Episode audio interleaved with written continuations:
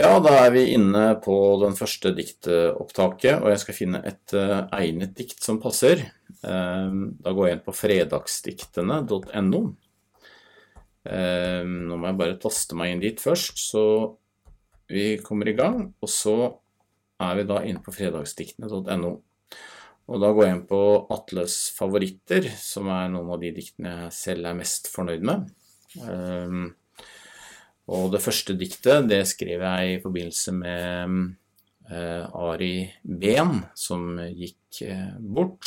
Eh, og det heter Trist som faen. Brått og uvirkelig, du tar takk for deg.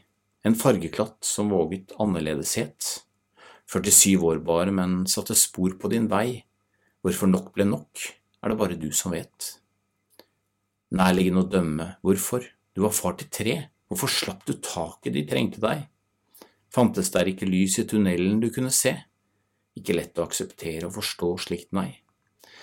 Men hvem er vi til å dømme på ukjent mark, hva vet vel vi om mørket i ditt sinn?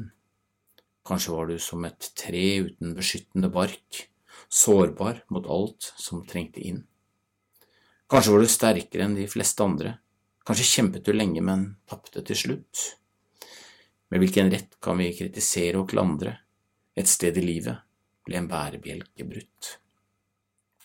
Mange av oss har hånet deg bak din rygg, hermet og flirt av dine litt svulstige ord. Flokkmentaliteten kan være stygg, kanskje tålte du det, kanskje satte det spor. Nå er det borte, dine nærmeste gråter, mange er vi som gråter med dem. Vi får aldri svar på dine beksvarte gåter, vi har, vi har vel alle vårt, ting vi ikke viser frem.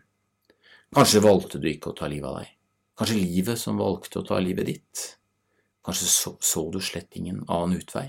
Kanskje livet spiste deg opp, litt etter litt. Det var det første diktet, og det første mm, filen på denne diktpodkasten. Nå skal du få høre snart et nytt dikt.